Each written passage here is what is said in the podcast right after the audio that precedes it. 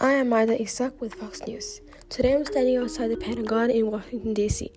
There are police cars and ambulances everywhere. We don't know what is happening, only that a plane crashed into the west side of the building.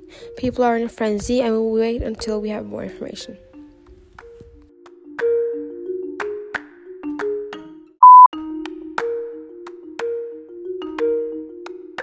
Four hours later, we're back on air and now we're aware of four attacks on American soil one at the World Trade Center's North Tower and the second one at the South Tower.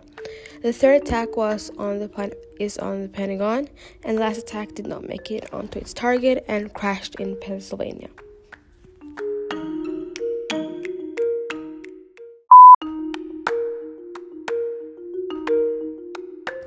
Five hours later. It's been five hours and we now have a lot more information. There have apparently been five hijackers who flew commercial planes into buildings for a political agenda.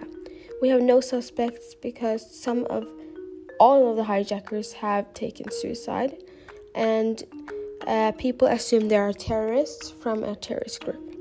They have counted almost 3,000 people dead, and there's with sorrow that I can say that these people will be missed.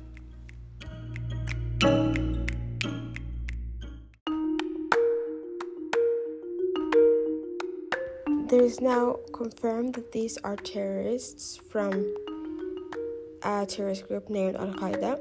They attacked political buildings and buildings in general because they didn't find that our like the political view in America was the right one. So they wanted to change that, and they wanted to scare people. And yeah, that is all for today. Thank you for watching.